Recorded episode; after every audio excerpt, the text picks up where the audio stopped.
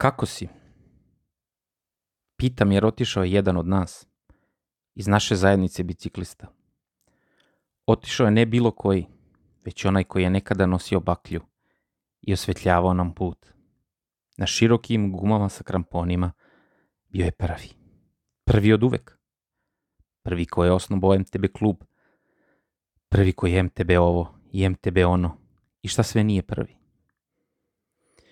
I prvi koji je ove godine uzeo MTB medalju na Evropskom prvenstvu. I to kod kuće. U Novom Sadu. I na kraju bio je prvi u našoj zajednici koji je sam sebi okončao život. Ivan Daosir. A što se tiče samog života, u toj igri nema ni pobednika, ni gubitnika. Život je igra koja traje beskonačno, dok se mi kao učesnici smenjujemo po pravilima prirode. I za sve nas je šokantno kada neko sam odluči da napusti tu igru. I htjeli mi to ili ne, zapitamo se iznova gdje smo mi u toj igri. Svi ćemo sada se opraštamo od njega. Bio je ovakav, bio je onakav. Bio je. Nema ga više.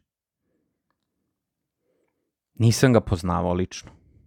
Ne mogu da kažem ništa više od svih vas koji ste ga znali. Ali znam da je bio jedan od ljudi koji je sve nas pokretao i inspirisao. Mali deo nas je sada ovakav zahvaljujući njemu i njegovom radu u našem svetu biciklizma. A i u onoj beskonačnoj igri on je bio takmičar pre nas. A mi smo htjeli da budemo kao on. Vremenom smo se svi pogubili i rasuli u toj nemilosrdnoj grupi igrača. Neko je otišao napred, neko je zaostao, a on je ostao usamljen. I odustao, jer nije više video smisao. Jer niko nije svojevoljno napustio ovu beskonačnu igru samo zato što je bio gladan ili nije bio fizički spreman. Ne, već zato što je ostao sam i nije više video smisao. Sada mu pišemo reči hvale, a njemu te reči više ništa ne znače. Znači nama, koji ih pišemo i izgovaramo, dok sa kledlom u grlu ostajemo u igri. Znači nama samima da skupimo još koju mrvu hrabrosti da istrajemo u beskonačnosti. A da li je to hrabrost? Da li je to smisao? Ja nikada nisam imao hrabrosti da stanem ispred njega, da mu stisnem ruku i kažem hvala. Hvala Čika Davosire što sam kao klinac prvo od vas saznao za vežbe istezanja koje ste objavljivali u časopisu Velonautik. Nija da nisam imao priliku, ni da nisam imao vremena. Jer prošlo je 25 godina od tada. Jednostavno nisam smatrao da treba. A možda bi mu baš to dodalo mrvicu smisla u njegovoj beskonačnosti. Možda je sada smisao da se sagnemo i uzmemo njegovu baklju i nastavimo dalje njegovim stopama. Da mi ohrabrimo druge ljude oko sebe. Da se više niko nikad ne izgubi i ne ostane sam i usamljen. Da ih iskreno pitamo kako si? Možeš li dalje? I da zaista saslušamo što imaju da kažu. I ne delujemo im savete dok slušamo. Ne. Ne osuđujemo ih i ne govorimo kako bi mi postupili. Jer mi nismo oni samo ih slušamo.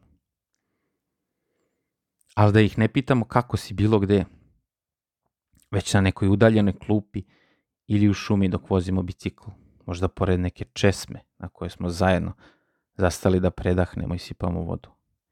Ili možda u intimi magacina biciklističke radnje. Stvorimo im sigurno okruženje da zaista mogu da kažu kako su. Jer samo u sredini gde se osjeća sigurno, čovjek može da iskaže svoje emocije i osjećanja. Da se isplače kao čovjek. Zar nije to smisao ove igre? Zar nije to hrabrost? Da pomognemo drugima. Kada posustanu, kada posumnjaju sebe i kada kažu nisam dovoljno dobar. Da im u tom trenutku kažemo sjajan si. Upravo sada. Jer niko nije kao ti.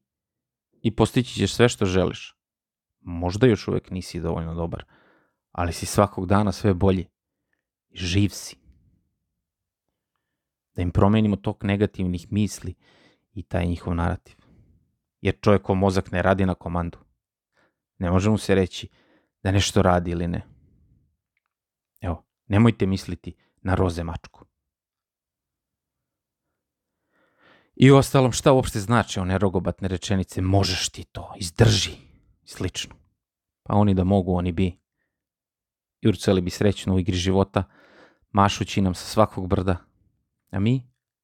Mi bi tada bili radosni zbog njih, jer njihova sreća i naša radost. A sreća i radost su tu da se dele. I sve što se deli raste. Jer nema veće tuge, nego nemati sa kime da podelite sreću ili tugu. I zato vas iskreno molim da češće izgovarate ove riječi. Kako si? Tu sam za tebe. Kako bi beskonačno prenosili sreću, to je život. Zajedno.